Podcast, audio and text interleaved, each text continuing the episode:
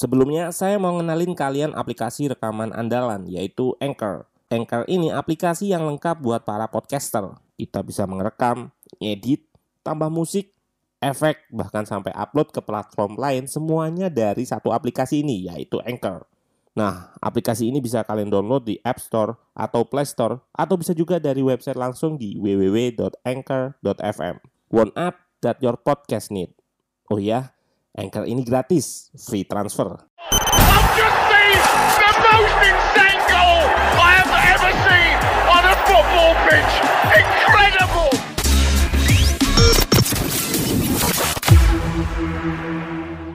Halo, selamat datang di channel Ruang Taktik bersama saya Sunday Pet Ranger atau biasa dipanggil SBR.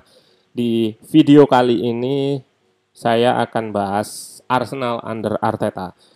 Nah, apa saja sih perbaikan yang sudah dilakukan Arteta di Arsenal? Kita tahu Arsenal baru saja terlempar di Europa League dan di Liga juga eh, menunjukkan peningkatan namun belum terlalu signifikan gitu. Nah, lalu apa yang udah di, diperbaiki Ar, Arteta ini? David Ornstein di The Athletic ngasih tahu jika awal kedatangan Arteta itu salah satunya adalah dengan member, menunjukkan video pertandingan-pertandingan sebelumnya gitu. Nah video ini bukan layaknya video yang dilakukan itu video analisis taktik itu bukan, tapi ditunjukkan oleh Arteta pertandingan-pertandingan yang yang ke kemarin ketika pemain-pemain Arsenal melakukan kesalahan gitu, kesalahan umpan, terutama kesalahan umpan. Nah, ditunjukkan juga gesture dari teman-teman lainnya, rekan-rekan lain ketika ada pemain misalkan Granit Saka. Kesalahan umpan gitu ditunjukkan ekspresinya Guendouzi, si Bellerin dan segala macam gitu.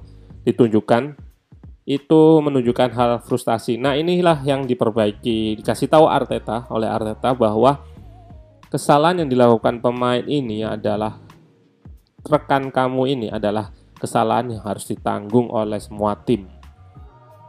Ini adalah salah satu perbaikan dari sisi mental gitu.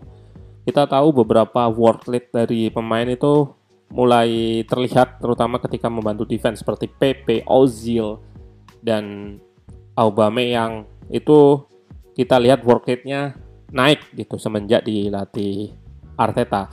Nah, dari segi taktik kita lihat di formasi atau di skema uh, formasi yang digunakan 4-2-3-1 ini tidak ada mengalami perubahan uh, sama sekali Sep nggak seperti waktu dipegang Emery yang terlalu banyak bergonta-ganti formasi bahkan susunan pemain dirubah-rubah. Ini akan menyulitkan pemain untuk mengimplementasikannya di lapangan. Dengan satu formasi yang fluid gitu yang dipegang Arteta ini. Karena nanti di video juga gue jelasin seperti apa perubahannya dengan satu formasi yang bisa digunakan untuk menyerang dan sekaligus transisi maupun bertahan. Ini membuat pemain lebih mudah menyerapnya gitu. Nggak perlu gonta-ganti formasi yang ekstrim 3 back jadi 4 back jadi 5 back. Itu sangat perubahan yang cukup ekstrim dan pemain butuh waktu untuk memahaminya. Sementara Eh, persiapan pertandingan itu dilakukan paling banyak mungkin seminggu dua minggu gitu untuk pertandingan selanjutnya. Nah apa saja itu? Nah itu kita akan bahas di video ini dan di sini adalah kelihatan skemanya seperti apa pemain Arsenalnya nanti yang patokannya dari sini. Oke, okay, let's check it out. Kita akan bahas Arsenal on possession dan dibangun serangan fase pertama. Bangun serangan fase pertama ini ditujukan untuk lawan yang melakukan high pressing. Di sini kita lihat ada tiga, tiga pemain lawan yang melakukan high pressing, 4-3-3. Nah, satu, Arsenal akan memainkan bola dari kiper goal kick dengan posisi positioning F center backnya yang akan melebar, melebar. Dengan posisi yang melebar ini, fullback jadi bisa naik ke depan Nah, tapi masih kita kita masih bisa lihat jika bola misalkan diarahkan ke kanan, lawan akan menutup fullback menutup seperti ini. Seperti ini, lawan akan menutup seperti ini, menutup dulu langsung dilakukan press. Kalau akan dipindah juga sama, akan bergeser uh, seperti ini lawannya. Nah, kita lihat secara positioning uh, di depan sama Ozil di sini. Terus tujuan dari winger yang melebar ini untuk mengikat uh, fullback lawan. Ini mengikat fullback lawan. Nah, hal yang dilakukan Arsenal adalah uh, menggunakan Granit Saka yang turun ke belakang, drop ke belakang yang dinamakan Salida Volpiana. Nah, dengan positioning seperti ini, Saka akan naik. Lebih naik dia. Dari sini kita bisa melihat uh, ada overload di sini, menang jumlah juga. Jadi pemain winger lawan akan disuruh memilih antara menjaga Granit Saka atau Bukayo Saka atau Sid Kolasinac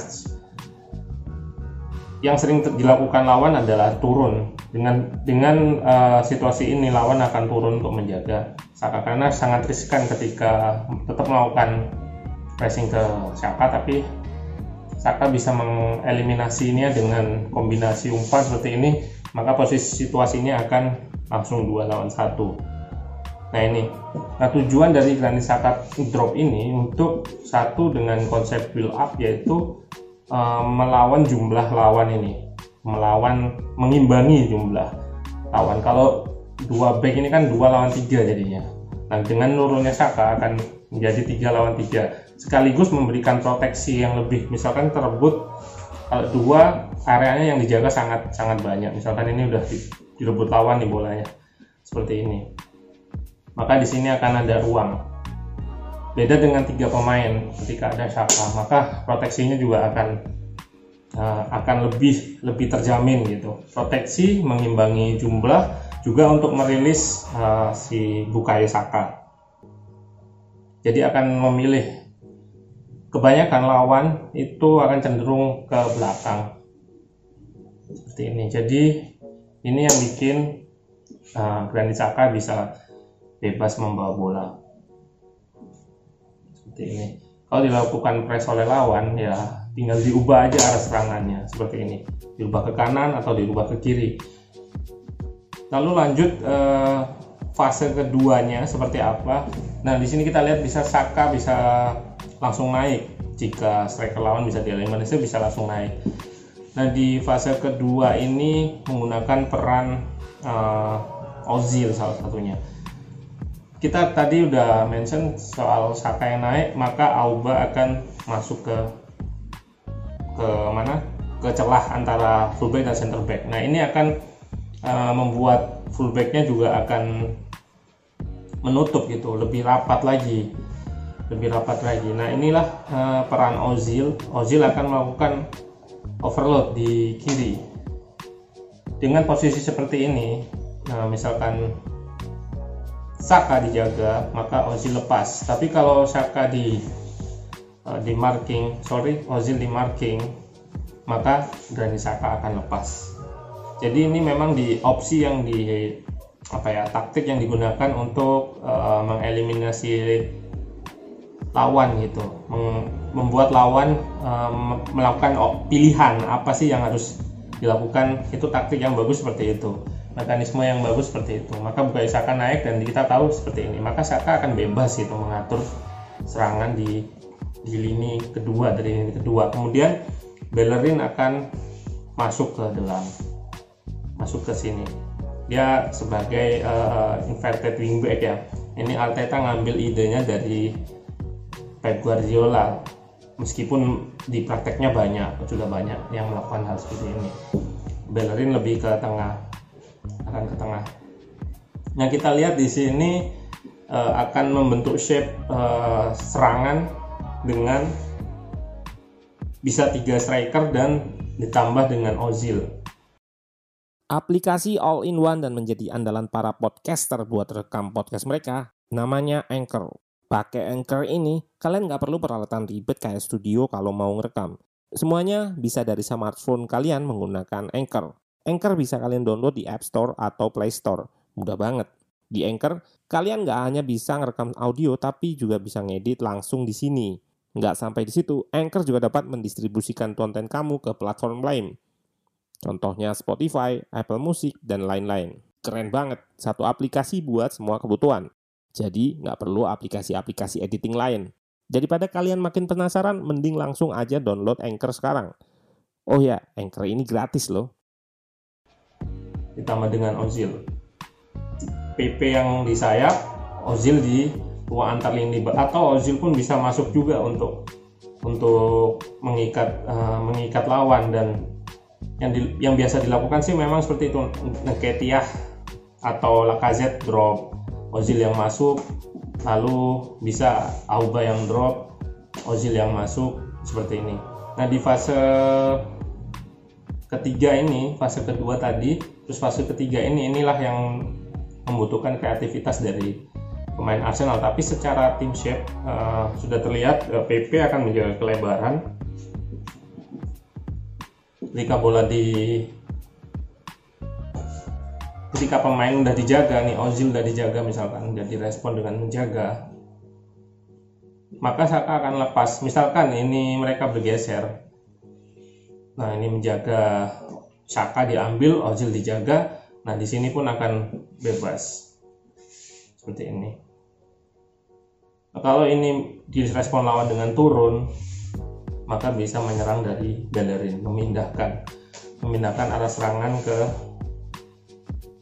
ke kanan ke arah PP. Setelah itu kita lihat di dari shape-nya pun uh, akan terlihat nih pemain yang berada di sayap, sayap, Saka, PP, Ozil, dan Lacazette.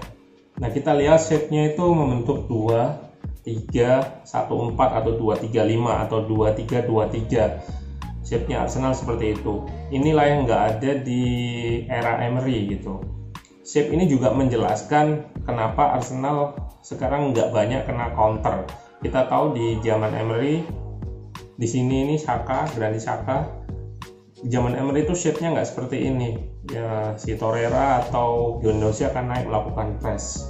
Kita lihat sangat flat gitu, sangat flat sehingga ketika bola berhasil direbut oleh lawan ya sudah ini nggak bisa melakukan press ya udah Saka akan uh, sendirian gitu sendirian jadi filter filter dari counter attack ini. Makanya sering, sering terlihat Saka clumsy fall gitu selalu sering melakukan pelanggaran yang nggak perlu. Itu karena memang dia sangat terekspos gitu.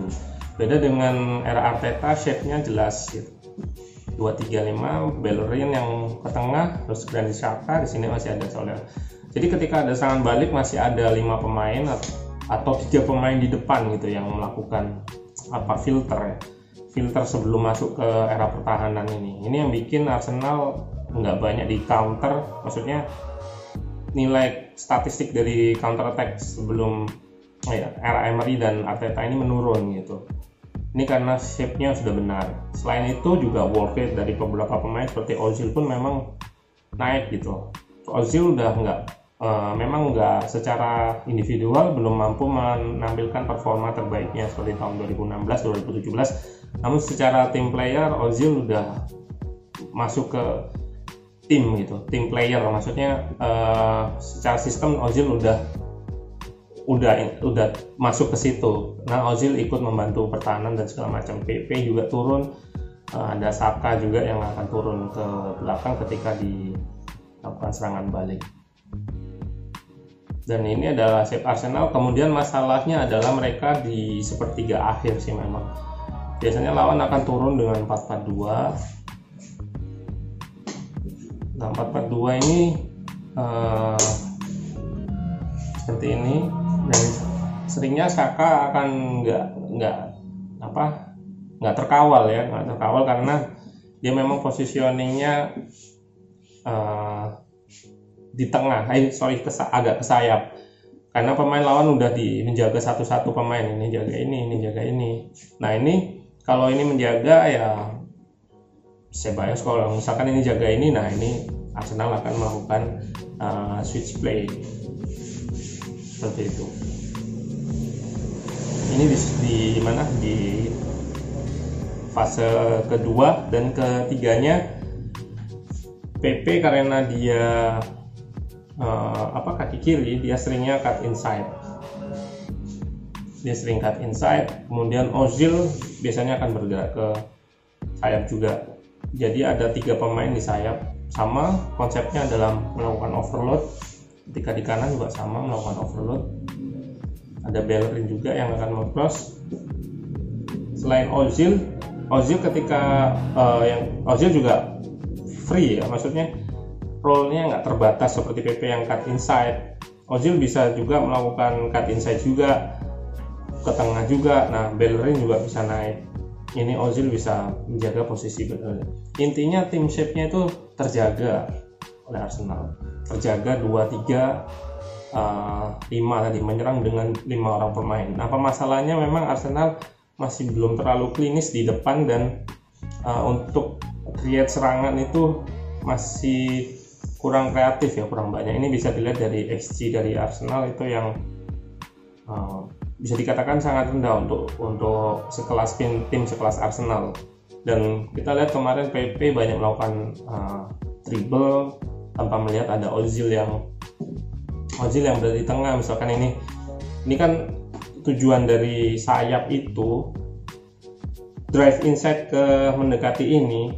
Nah kalau seperti ini kan kalau nggak diikutin siapa backnya telat mundur misalkan PP udah cepet ya udah uh, akan disambut ini. Ini seperti gol lawan Everton ya, lawan Everton si Saka yang umpannya ke sini terus disambut sama Nketiah gitu. Itulah kenapa uh, pemain-pemain sayap itu sering bergerak ke sini. Bergerak ke sini tujuannya untuk untuk mereka agar ke sini agar mepet ke garis gawang. Kalau sudah mepet harusnya ada pemain yang berada di sini. Satu memang ada di sini untuk untuk melakukan apa uh, memancing gitu memancing. Nah satu ada pemain ada di sini. Ini yang kejadian sama PP kemarin. Dia terlambat terlalu banyak mengirim bola sehingga ruang di Ozil tertutup juga jadinya ditutup oleh lawan. Seperti ini. Nah ini yang PR banyak dari Arsenal uh, lebih ke masalah individual secara taktik secara shape udah bagus. Work rate beberapa pemain juga udah bagus tinggal masalah kreativitas di depan aja.